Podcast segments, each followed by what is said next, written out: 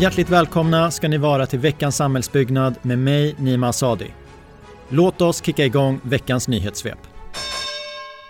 Stadsbyggnadskontoret vill stryka förslaget om att bygga de två tornen Tellus Towers om 78 respektive 58 våningar vid Telefonplan i Stockholm. SBK föreslår att de två tornen slopas till förmån för en grupp av hus och pekar bland annat på att tornen får en stor negativ konsekvens på kulturmiljön och stadens siluett. På frågan om beskedet ska tolkas som att det inte kan byggas några skyskrapor i Stockholm svarar SPK att det inte är så man ska tolka det.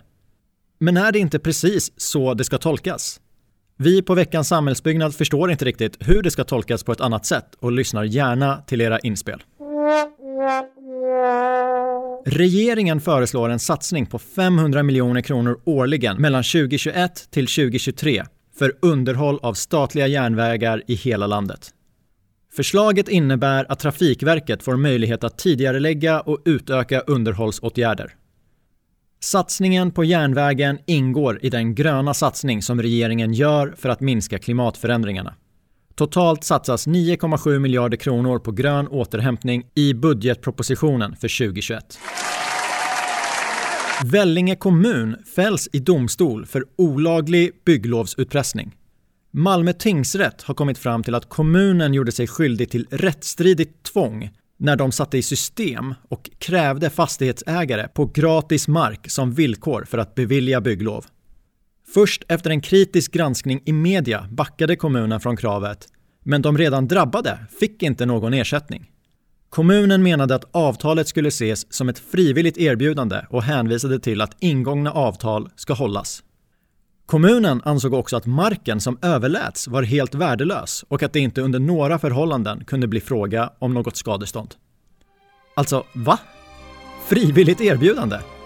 Ja, det är kanske så man resonerar om man heter Vito Corleone, kallas för Gudfadern och lever i 1910-talets New York. Och värdelös mark? Får man verkligen säga så om de egna kommuninvånarnas hem? Tur att tingsrätten tyckte annorlunda och beviljade skadestånd. Upphandlingen av en arbetstunnel vid Sockenplan i södra Stockholm gav inte ett enda anbud. Inför de kommande större entreprenaduppdragen har förvaltning för utbyggd tunnelbana gjort om anbudsprocessen. Det var i veckans avsnitt av Hela kedjan som Niklas Bergman, som är förvaltningschef för nya tunnelbanan, berättade om förändringarna. I avsnittet fick vi även reda på en hel del spännande fakta om projektet och Niklas bemötte även en hel del rubriker som gått att läsa i media under det senaste året. Avsnittet hittar ni där poddar finns samt på helakedjan.se. Regeringen förstärker investeringsstödet i syfte att bygga fler bostäder.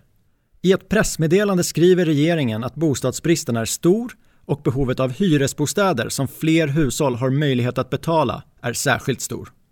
Beslutet innebär att bemyndiganderamen för investeringsstödet höjs från nuvarande 7,5 miljarder till 9,3 miljarder kronor 2021 samt ökas med 1,1 miljarder 2022 och med 1,9 miljarder 2023. Tack så mycket, säger förmodligen fler bostadsutvecklare än bostadssökande. no, no, no, no. Nu dags för veckans topp tre.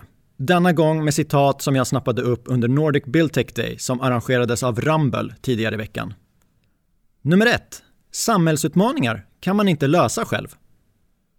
Nummer två. Vi delar upp delar som inte är självständiga.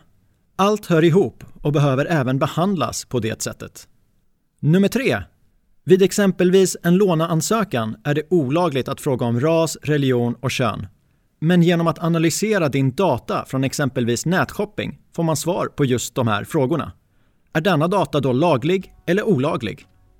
Det kan ni fundera på kära vänner. Vi hörs igen om en vecka. Tack för att ni lyssnade.